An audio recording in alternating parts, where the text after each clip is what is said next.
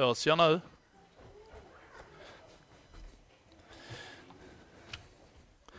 Paul Nilsson. Dela ut.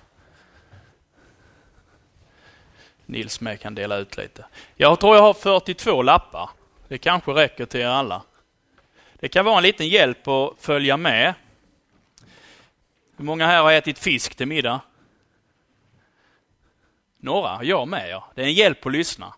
Då blir det vi tre som är vaknat sist. Jag har tänkt att undervisa från episteltexten och den är ju så oerhört komprimerad. Det behöver inte betyda att det jag kommer att säga blir så jättelångt, men det kommer att betyda att man får vara skärpt. Och då tror jag den här lappen eh, kan vara en hjälp lite. Det är de rubrikerna som är hämtade direkt från texten egentligen, de begreppen. Jag ska läsa texten först, ni har den ju framför er där. Det är folkbibelns översättning överst och sen är det Bibel 2000 underst. Och det är ju tillsammans så får man ännu en liten djupare förståelse kanske av hur trådarna går i de här verserna. Jag ber en kort bön och sen läser vi texten. Jag vill tacka dig Jesus att vi får vara här nu igen tillsammans med dig, med ditt ord och tillsammans med varandra. Vi ber dig helige Ande att du får komma hit och hjälpa oss att se och tro och förhärliga Jesus. I Jesu namn. Amen. Paulus han skriver så här, Romarbrevet 1, 16-17. Jag skäms inte för evangelium. Det är en Guds kraft som frälser var och en som tror. Först juden och sedan greken.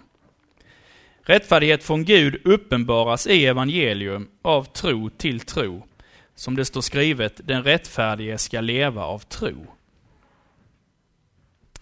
Inte så lång eh, bibeltext, men oerhört innehållsrik. Och jag tänker också lite, eh, Eket här, eh, missionsföreningen tillhör ju ELM, Evangelisk Luthersk Mission. Och i den evangelisk-lutherska kyrkan så är det ju de här verserna som är lite kärnord egentligen. Vad är det som Per David sa, Jesus skapar tro, är ju rubriken idag, eh, på, dagens söndag. Hur uppkommer tron i en människas liv? Det är ju det som Paulus här nu behandlar. Och för Martin Luther, under reformationen sen som följde på det, var det ju det här han upptäckte att jag behöver ju inte göra mig gudomlig för att kunna vara med Gud, eller bli frälst och räddad. Utan Gud kommer ner med sin gudomlighet, om man tänker så va. Gud gör en människa rättfärdig. Det var ju så som Per David strök under i inledningen, va? att det är Jesus som skapar tron i en människas liv. Och det är rätt så viktigt att ha med sig, därför att då har man också rätt förväntan. Alltså då, då sträcker sig min längtan och min förväntan i rätt riktning. Om jag vet att jag ska, precis som officeren i, i evangelietexten, va? varifrån ska min hjälp komma? Jo, det är ju från Gud själv. Hur ska en människa komma till tro? Vi kommer att komma in på det här utifrån den här texten. Jo, den kommer också från Gud. Bara för att säga någonting kort om de verserna som det kan alltid vara bra att sätta in texten i sitt sammanhang. Om man hade börjat att läsa Romarbrevet från början och sen slutat i vers 17 då, som är dagens textvers, så handlar det ju om att Paulus har nu presenterat sig och vem han är, att han är apostel, utsänd av Gud, till att predika Guds evangelium. Och så tackar Paulus eh, Gud för romarna. Han, han har inte besökt kyrkan i Rom. Och han har inte grundat den, men han längtar efter att få komma dit. Och så sammanfattar då Paulus sitt budskap i de här två verserna som ni har framför er på, på lapparna. Och sammanfattningen är ju att det är evangeliet om Jesus Kristus som, som har en frälsande kraft, en räddande kraft. I evangeliets innehåll är det en inneboende kraft som har en förmåga att frälsa och rädda människor. Därför att den uppenbarar, den visar Guds rättfärdighet. Och det är det mest centrala i hela romarbrevet egentligen. Om man läser vidare i brevet så märker man att det är det som allting kretsar kring. Evangeliet uppenbarar Guds rättfärdighet, är det Paulus strök under här. Och då börjar han med att säga att han skäms inte för evangelium. Så får vi fundera lite på, är det någon här inne, någon av oss, som kanske ibland någon gång har skämts för evangeliet om Jesus? Jag vet när jag gick i högstadiet och man kom in, man, jag, det är ju i och för sig större än Eket, men det är inte jättemycket större. Alla visste ju att man gick till kyrkan och söndagsskolan och så här, eller till missionshuset. Och när man kom in på, när vi läste kristen tro i högstadiet, så blev man lite, ibland lite varmare om kinderna och tänkte att jag hoppas att inte läraren frågar mig någonting. Han frågade ibland nämligen, när han var osäker. Han frågade bland annat hur många lärjungar Jesus hade. Var det 13 eller 14, sa han då. Nej, det var 12, sa jag då. Jaha, ja. Då skulle han betygsätta sen. Paulus skäms inte för evangeliet och det kan man ju fundera lite på i Rom då. Har ni någon aning om hur många människor som bodde i Rom på 50-talet efter Kristus? Retorisk fråga. Tänk nu en seriös, en genomtänkt gissning.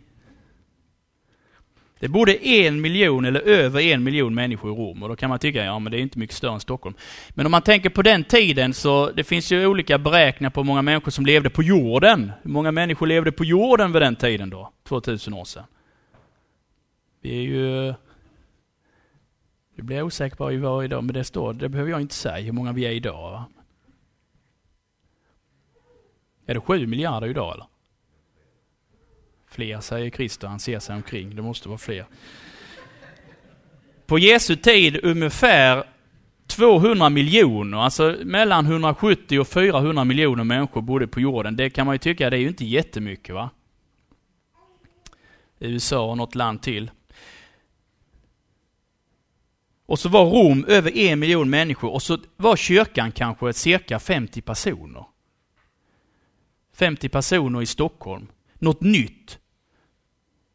Ett evangelium, ja det var ju ett begrepp som användes. Om, om kejsaren dog så liksom proklamerar man eh, evangeliet över den nya kejsaren då. Alltså nu är Nero kejsare i romarriket så.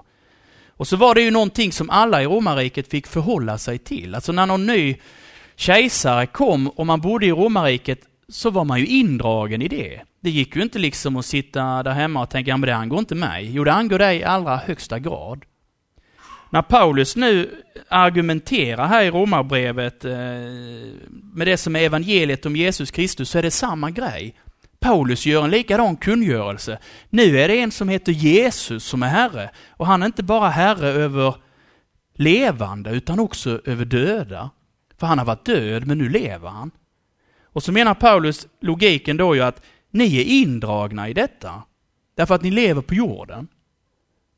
På samma sätt som ni måste förhålla er till när en ny kejsare uppkommer, till, eller tillträder, så, måste ni, så är ni indragna och får förhålla er till det här evangeliet om Jesus Kristus.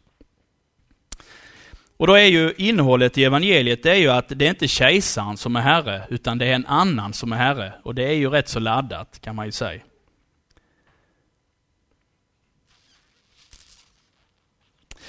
Om vi kollar på den första eh, meningen där, evangeliet som Guds kraft, första punkten jag har på lappen där. Han har nämnt Guds kraft i vers 4 och då har det sammanhanget, det är samma kraft som uppväckte Jesus från de döda. Och nu säger han här att evangeliet är en Guds kraft. Och så tänker man då på det man har läst. Ja, när Jesus uppväckte Jesus från de döda så var det liksom Guds kraft som gjorde det. Det finns en kraft i evangeliet. Och det är det när evangeliet predikas eller förkunnas. När man predikar eller undervisar om Jesus Kristus, den han är och det han har gjort, att han har lidit och dött och uppstått, så är Guds kraft i det man säger. Så är det liksom Guds kraft eh, i det som då händer. Och så kan man fundera lite på Paulus, att han vet ju det. Om vi läser vidare i breven så han har ju predikat Jesus Kristus som korsfäst många gånger. Och han har fått se människor totalförvandlas, inte bara i tankarna, utan i orden och i handlingarna och i hjärtat. De har liksom fått del i det som är evangeliet om Jesus. De har fått del i Jesus själv utifrån det de har hört. Och fått själv lyssna och märka kraften i evangeliet. För när man läser vidare i Romarbrevet så, så menar ju Paulus att när Jesus dog och uppstod så skapade han på ett sätt en ny värld för människan. Jag kommer mer in på det. Och den nya världen, om vi tänker oss Guds rike, kommer bryta in här på jorden. Den blir också en del i de människor som tror. Men inte alla, säger Paulus, för alla lyssnar inte i tro. Det är inte alla som lyssnar på evangeliet som liksom dras in i Guds frälsning och i Guds gemenskap. Det är inte liksom eh, magiskt. Det är inte så att hade vi eh, predik, varje gång vi predikar evangelium så lyssnar människor i tro. Så är det ju tyvärr inte. Men så tänker jag på Paulus när han säger i början av andra eller i första Korinthierbrevet 2, där att när jag uppträdde bland er så var jag liksom rädd och ängslig och jag var inte vältalig och så här va. Men så sa han att det jag sa, det använde den helige Ande och överbevisade er så att ni kom till tro. Va? Och så blev det liksom en enorm respons på det som Paulus sa att ja, men jag var lite rädd och försiktig och jag var inte så vältalig. Men ändå var det en sån kraft i evangeliet. Och det är Guds kraft som är i verksamhet när man predikar och undervisar evangeliet om hans son, som han säger i vers 3 här. Alltså det handlar om Jesus. Den Jesus är och det Jesus gör för oss människor. Det var första punkten. Egentligen ska man ha tillfälle att fråga här nu när det är lite mer undervisning än predikan. Det kommer ni kanske att märka. Är det någon som är frimodig nog att fråga så får ni bryta in. Ni behöver inte räcka upp. Tvåan, den kraft som verkar i evangeliet är till frälsning. Frälsning till frälsning, det är ju rätt så vanligt. Eh, det kanske ni tänker här nu, ja men det vet jag precis vad det betyder så. Och det är möjligt. Samtidigt med så är det kanske lätt att tänka så här att, ja men vad handlar frälsningen i kristen tro om? Om man bara tänker lite snabbt och slarvigt. Jo, man kommer till himlen när man dör. Och det är ju sant. Paulus nämner inte det så jättemycket egentligen. Alltså det som blir livet efter detta. Eh, döden är besegrad som människans fiende. Att det som är nedbrytande eller förgängligt eller ändligt, det kommer till att liksom bytas i oförgänglighet evigt. Det är också eh, sant. Va? Det är inte dödens krafter som har sista ordet i kristen tro. Men det är inte hela grejen. Utifrån romarbrevet här så förstår vi när vi läser vidare att frälsningen handlar om att Gud räddar hela sin skapelse. Han räddar hela skapelsen från slaveriet under döden och förgängelsen. Och så ska han ge sitt eget folk, alltså Guds folk, de som tror på honom, en kropp som är lik Jesu kropp i uppståndelsen, alltså en förhärligad kropp. För att vi ska kunna leva ett förhärligat liv i en helt förnyad skapelse. Det är Paulus perspektiv. Vi kan läsa i Romarbrevets 8 till exempel. Alltså hela skapelsen liksom väntar också på att Guds folk ska förlossas. Alltså bli förhärligade. Därför då kommer skapelsen också att dras med i det. Gud ska skapa en ny himmel och en ny jord. Men frälsningen har ju också med nuet att göra. Och läser vi Romarbrevet 6 och 7 och 8 där så förstår vi att frälsningen i nuet handlar om hur vi blir befriade från syndens makt och skuld. Och så blir vi liksom implanterade i gemenskapen med Jesus. Vi är frälsta och vi är på väg mot vår frälsning. Vi har något redan nu, men vi har ännu inte sett det liksom i full blom. Den kraft som verkar i evangeliet är till frälsning. Det blir livet som kommer till att segra till sist, därför att det har redan nu brutit in. Trean. Evangeliets kraft frälser var och en som tror. Den här proklamationen eller predikan att det är inte kejsaren som är herre utan det är Jesus som är herre. Han har uppstått från de döda och han är hela skapelsens herre. Herre över himmel och jord. Det behöver tas emot i tro. Och då är ju ordet tro ett nyckelord också i kristen tro. Är ni med? Om jag nu ställer, nu ser ni ut alla, om jag hade ställt frågan om det hade varit nerdraget här då, regnar det ute, så kanske någon hade sagt ja, jag tror det, för det gör det ju nästan alltid. Och då är det på något sätt en, en seriös gissning. Eh, man är lite osäker, men det är mycket möjligt det är så. Va? Att tro evangeliet, kristen tro innehåller i och för sig också saker som vi inte ser och som inte är konkreta och vi kan ta på. Va? Men kristen tro, det handlar inte om en gissning, eller vi antar. I Nya Testamentet så står ju kristen tro i kontrast till det, då är det ju otro som är motsatsen. va? Kristen tro är en fast grundad övertygelse om att Jesus är eh, uppväckt från de döda och att han är världens Herre. Då tänker jag på Romarbrevets 10, om man läser det kapitlet så förstår man det är det som Paulus lyfter fram. Jesus har Gud uppväckt från de döda och nu är han världens Herre. Var och en som tror får del i det livet, i den frälsningen. Och den som tror evangeliet, han hamnar i rätt relation till Gud. Och så tillhör han Guds folk. Så redan innan domen, redan innan Jesus kommer tillbaks för att dömas och för att eh, ta, ta till sig de som har trott på honom här och nu, redan nu visar det sig vilka som är Guds folk. Och utifrån texten säger Paulus då att de som tror evangeliet, de förklaras rättfärdiga. Alltså de hamnar i rätt relation till Gud. Redan nu. Och så säger han med utifrån texten här att då handlar det både om judar och greker. Och då är ju greker, det är ju alla icke-judar. Så att alla folk, alla människor, har liksom eh, samma eh, möjlighet, samma rättighet, om man nu tänker så, att få del i Guds frälsning och hamna i rätt relation till Gud, att förklaras rättfärdiga.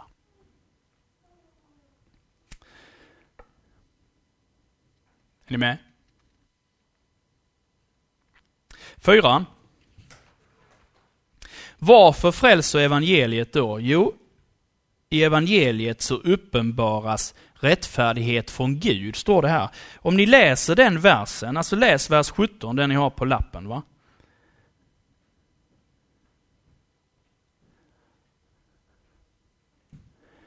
Det är rätt så... Du har ingen lapp Linus? Ja, just det. Men du, du är ju lärare då, ja. Du behöver inte löjda lärare då. Det är en rätt så invecklad vers ju. Alltså svenskan där, det är rätt så rörigt. Av tro till tro till exempel då. Rättfärdighet från Gud uppenbaras av tro till tro. Nu är ju svenska inte grekiska, det skrevs ju på grekiska. Ordagrant står det Guds rättfärdighet. Alltså Guds rättfärdighet uppenbaras i evangelium. Det är Guds rättfärdighet som uppenbaras i evangeliet och det är det mest centrala i hela romarbrevet. Rättfärdighet handlar om vad som är rätt och vad som är rättvist. Guds rättfärdighet handlar om att han ställer till rätta och kan upprätta liksom en rättvisa. Alltså Gud ställer till rätta och kan upprätta en rättvisa. Och det är detta som evangeliet uppenbarar, att Gud skaffar rätt åt en värld som saknar rätt. Alltså denna världen var ju långt ifrån det. Gud får liksom skaffa rätt åt oss, åt världen, åt mänskligheten, därför att vi saknar det. Rättfärdighet i rätt relation till Gud. Det är ju det som profeterna och salmerna i Gamla Testamentet ständigt eh, kommer in på att Guds värld som han skapade har havererat, om man tänker så.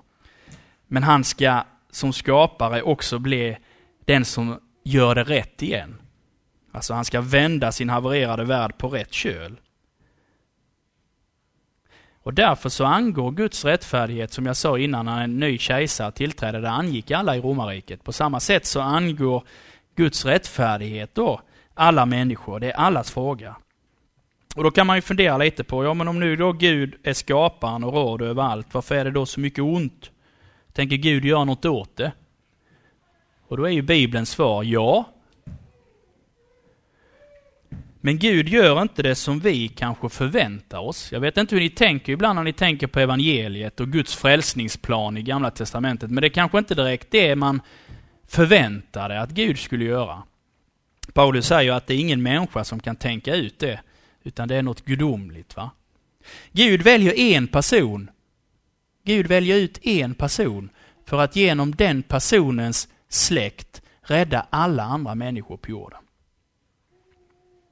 Det var någon, eh, det var, jag har inte sett filmen själv, men det är ju ingen film jag kan rekommendera, så jag säger inte namnet.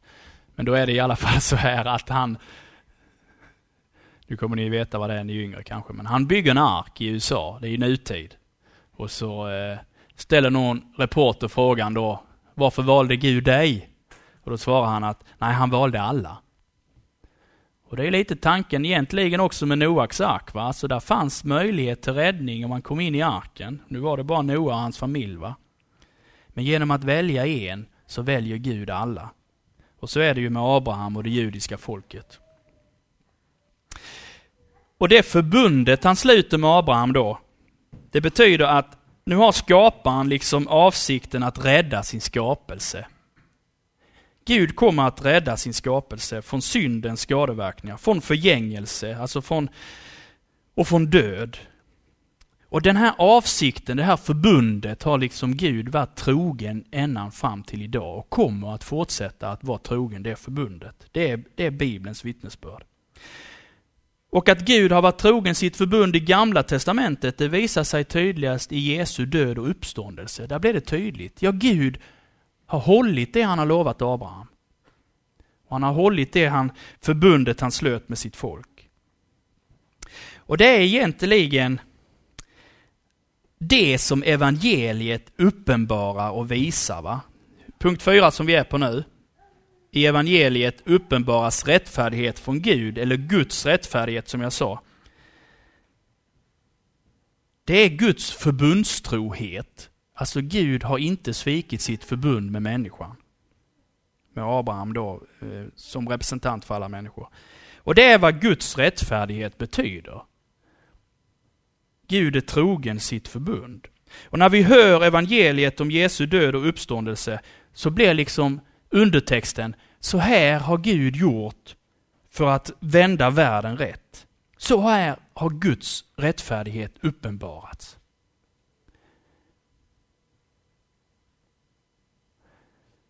Kanske lite rörigt en söndag eftermiddag, men jag hoppas. Det är rätt fantastiskt ju. Jag kommer in lite mer på sista punkten med, det är inte så lång tid kvar nu. Femman, trons betydelse. Av tro till tro. Av tro till tro. Det är också ett rätt så invecklat begrepp ju. Vadå av tro till tro? Då kan man om man skriver en bibelkommentar så kan man, kan man skriva slarvigt snabbt eh, genom tro från början till slut. Eller helt och hållet genom tro. Det är ju i och för sig en biblisk sanning också, men om man skulle översätta det kanske utifrån, nu har jag ju inte, jag är ju ingen grek, men jag har ju läst de som kan grekiska, det är därför jag har, har detta då. Men de menar ju att, kanske ännu riktigare kan man säga, från Guds trofasthet till mänsklig tro. Alltså Guds rättfärdighet uppenbaras i evangelium från Guds trofasthet, det som har med Guds rättfärdighet att göra. Till människans tro eller trohet, alltså tro och trohet är ju samma ord. Inte i svenskan. För att Guds trofasthet mot sin skapelse ska bli till välsignelse för oss, för människan, för en människa, så, så krävs det liksom ett gensvar på det här. Och det är det som Paulus skriver i vers 5 innan vår text. Där säger han att det handlar om trons lydnad. Och det, det begreppet används ibland när det gäller att lyssna på evangeliet och liksom gensvara på det. Därför att i evangeliet så ligger ju en kallelse från Jesus. Låt mig frälsa dig från döden. Låt mig få förlåta dig. Det är ju kallelsen i evangeliet. Och om man då eh, genomgår trons lydnad så är det att man bejakar den dragningen från Jesus. va?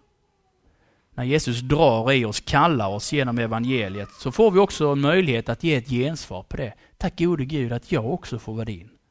Tack att jag också får del i din förlåtelse och frälsning. Att jag får hamna i en rätt relation till dig. Sista punkten. Den rättfärdige ska leva av tro. Det är ett citat från Habakuk i Gamla Testamentet. Och då är situationen sån att Habakuk är helt eh, förstörd därför att kaldéerna, alltså österut, babylonierna, de är på väg och, och ska invadera Israel då ju, eller Juda. Och då med, tänker man ju att slaget är ju förlorat på förhand, alltså det var ju världens mäktigaste folk ju. Och så var frågan, varför tillåter Gud detta? Och så tänkte man bakåt, är inte Gud trogen det förbundet han slöt med vårt folk, alltså med Abraham? Och då blir ju underförstått frågan, är Gud rättfärdig eller ej? Blir frågan då. Alltså är Gud verkligen rättfärdig? Det är Habakuks brottning här när han ser fiendehären komma och man, har, man är totalt chanslös. Och så svarar Gud, han får en syn, och då säger han så här att jag är trogen mitt förbund, är, är poängen. va? Och jag kommer till att eh, gripa in. Och du ska lita på att jag är rättfärdig. Men det är inte nu, det är längre fram. va? Och så läser man Habakuk så pekar det på Kristus längre fram också. va? Alltså hur, hur tar Gud itu med det här då som händer under Habakuks tid? Jo, han gör det. Han, säger, han, han, han uppmanar dem, som det stod här i sista meningen i, i dagens text i Romarbrevet, den rättfärdige ska leva av tro, eller leva i trohet. Alltså uppmaningen blir, lev i tro på min rättfärdighet. Lev i trohet i min rättfärdighet. Alltså att jag håller det jag har lovat. Och jag kommer till att gripa in. Samma fråga hade säkert judarna på Paulus tid. Plågade av romarna, ockuperade. Och romarna var ju då i judarnas ögon avgudadyrkare. De hade ju många gudar som helst. Och så väntade, Gud, väntade judarna på att Guds rättfärdighet skulle uppenbaras, alltså Guds trohet mot sitt förbund. När ska vi få märka det? När ska vi få se det? När kommer Gud att döma romarna och frälsa oss judar? Och då säger evangeliet om Jesus att det har redan skett. Alltså i Jesus Kristus uppenbarar Gud sin rättfärdighet på det tydligaste sättet. Där tar han itu med synden och ondskan och döden. Alltså i, i Israels Messias, i honom, i Jesus, har Gud krossat syndens förslavande makt. Det är det han kommer in på i Romarbrevets 8 bland annat. Det står ju om hur människan är utan Gud och utan frälsningen är helt förslavad under syndens makt. Och så har han skaffat rätt åt alla som åkallar hans namn. Alltså var och en som åkallar Herrens namn ska bli frälst. Romarbrevets 10. Gud har bevisat att han har varit trofast mot sitt förbund och de löften som han liksom har, har knutit till det förbundet. Han ingår ju i förbund och sen är det många löften om, om frälsning och välsignelse och, och mer än så. Och så är poängen här från Paulus då att de som tror de här goda nyheterna, alltså de som tror evangeliet om Jesus, de ska upptäcka att den här Guds trofasthet eller Guds rättfärdighet omsluter dem med en frälsning som aldrig kommer till att dö ut. Som, aldrig, som, som inte är ändligt, som är evigt. Jesus Kristus är den rättfärdige därför att han var trogen sitt uppdrag. Det läser vi kring påsk mycket om texterna. Alltså Jesus var trogen den upp, uppdraget han hade om att frälsa världen. Och därför menar Paulus, nu om man läser vidare i Romarbrevet, att därför är synden och dödens hot över mänskligheten knäckt. Alltså du död, vad är din seger? Eh. Jesus har liksom brutit det här förloppet. Människan var liksom slav i riktning mot förgänglighet och död. I Jesus Kristus så bryts det. Det finns en annan väg för människan nu, som leder till livet. Och det är den som Guds evangelium uppenbarar.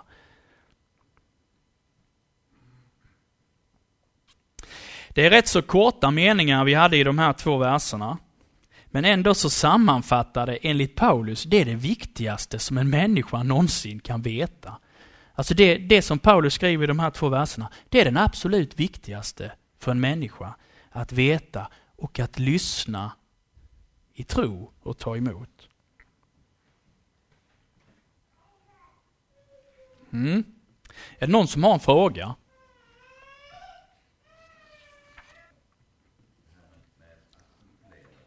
Ja. Ja. Hur ska det kännas, alltså upplevas som verkligt? Det tror jag är väldigt olika. Vissa människor känner det i hela kroppen, så kan man nog säga. Andra människor kanske inte känner det. Det är väldigt olika. Men det är inte beroende av det. När jag tog exemplet, regnar det ute? Ja, jag tror det. Kanske någon säger då. Då är det en gissning, eller man tänker man, ja det kan mycket möjligt vara så. Va? Men kristen tro, det är en fast övertygelse som jag sa. va. Och då finns det faktiskt möjlighet att ha en fast grundad äkta tro i det som Jesus har sagt, i det som Jesus är.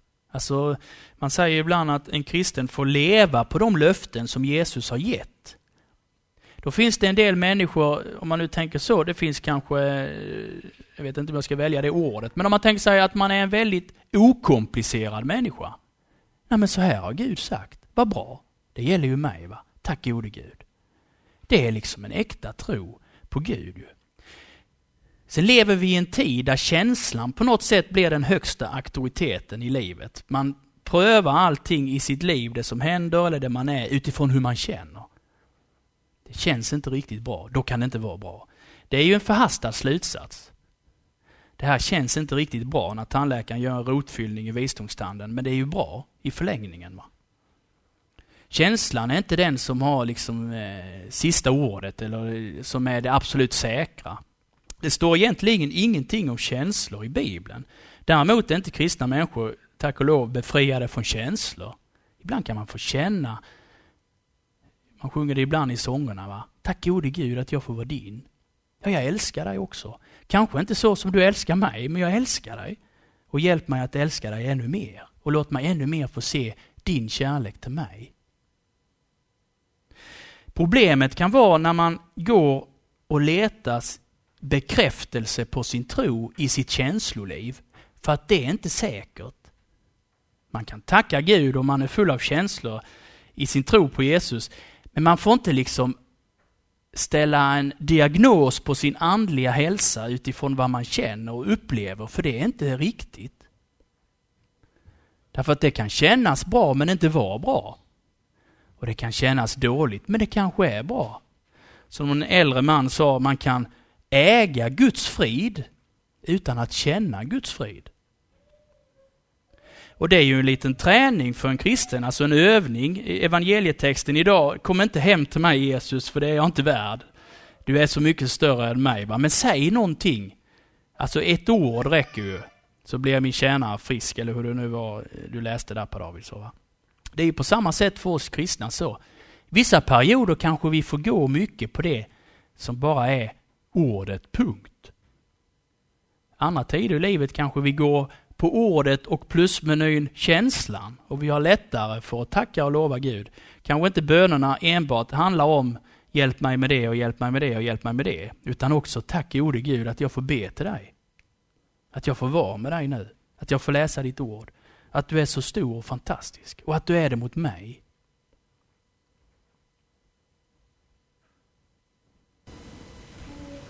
Du var lite inne på det Martin, men du har sagt några gånger att tron är en övertygelse.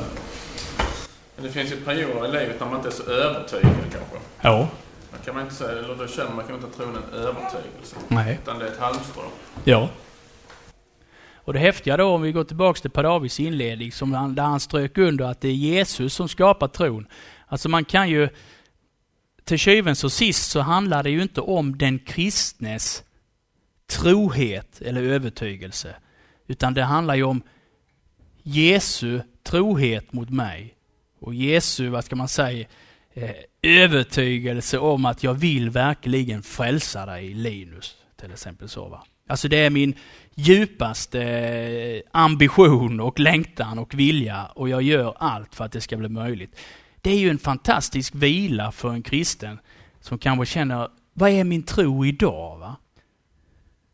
Ja, fast det är ju inte min, egentligen inte min tro heller som frälser mig till tjuvens och sist, utan det är ju Jesu trohet mot mig, det han har sagt, det han har lovat, det han är. Och så får man då gå på, kanske mer på det Jesus är och det Jesus säger, än det man hittar eller upplever i sin tro, alltså mentala tro eller övertygelse eller beslutsamhet eller vad det kan vara.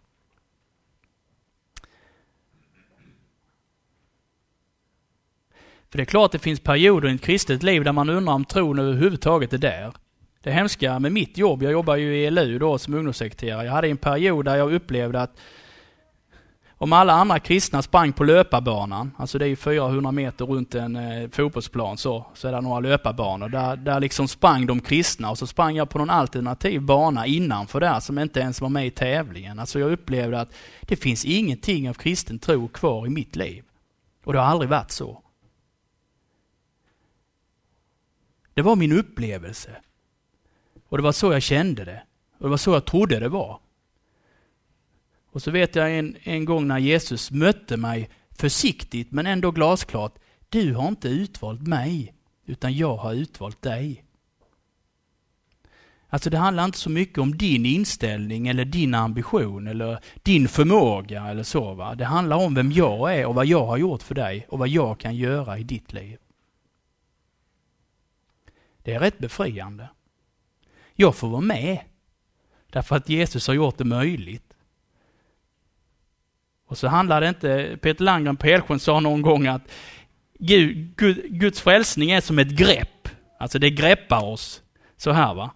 Frälsningen kommer ju från Gud, Jesus skapar tro. I evangeliet uppenbaras Guds rättfärdighet som är en kraft. Det griper oss så här. Och så sa Peter att det vi kan göra på sin höjd är att vi griper lite om det greppet som redan har gripit oss. Det är en rätt så god bild ju.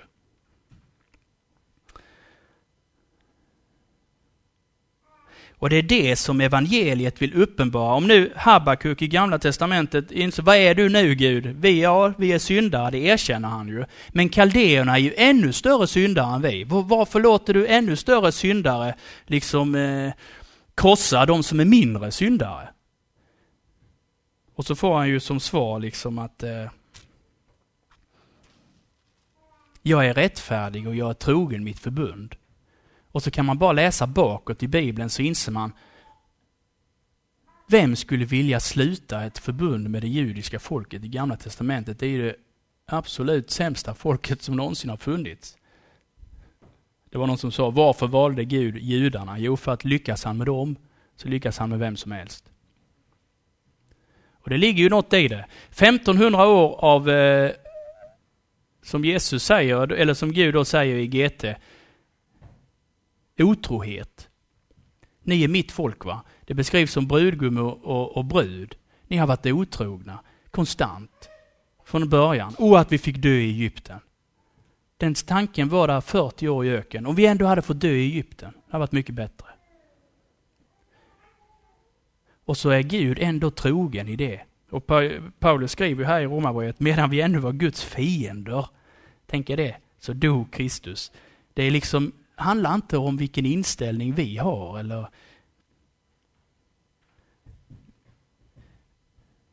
vilka meriter vi har. Va?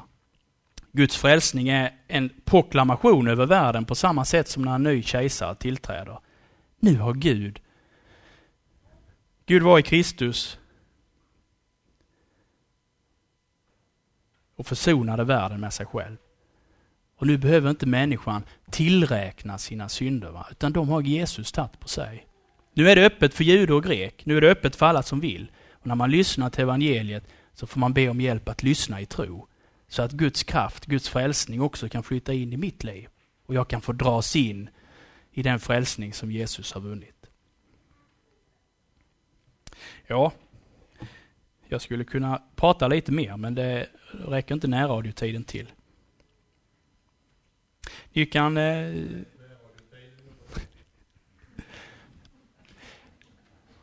Ja, men det, det, är väldigt det är fantastiska grejer. Nu är det här, som jag, det här, jag vill inte definiera det här som en predikan egentligen, för det är mer undervisning utifrån Guds ord. Men det ligger något så helt fantastiskt i de här verserna. Och så mycket Gud, och Guds rättfärdighet, Guds frälsning, Guds evangelium. Och vi är indragna i det. Och det hände innan vi ens fanns till. Och Gud vill ge det som gåva åt alla som vill. Där krävs det är ingen som har liksom förtur eller ingen som är mer meriterad. Jag tänker på den eh, olika bibelsprängda, men bara snabbt med. När Jesus han, han tar ju liknelsen av att det är en som anställer någon klockan sex på morgonen. Sen anställer han några nio på förmiddagen, tolv på, vid middagstid va? och så några klockan fem. De jobbar tolv timmar då ju. Så börjar han betala lön till de som var där i en timme, från fem till sex, när solen har liksom eh, mildrats lite. Då fick de en dagslön. Och sen så kommer ju de andra som kom sex på morgonen, de har stått ut med solen, 40 grader, blaksol, jobbat 12 timmar. Ja, de får en dagslön ju. Det var det de kom överens om. Och det blir ju oerhört provocerande. Varför ska de ha lika mycket som oss? Vi är väl ändå bättre? Vi har ju liksom eh, kämpat mer. Och så på något sätt så avslöjar han det. Ser du med onda ögon på att jag är god? Säger Jesus då. Har jag inte rätt att göra vad jag vill med det som är mitt? Alltså Guds rike vänder upp och ner på allt det som är våra föreställningar. Vi tänker ju liksom att, ja men lite, får vi allt spotta i nävarna och kavla upp skjortärmarna. Så att Gud på något sätt har en möjlighet att, eh, att rädda oss. va? Ja, på ett sätt inte. Guds rike är vidöppet, det är färdigt.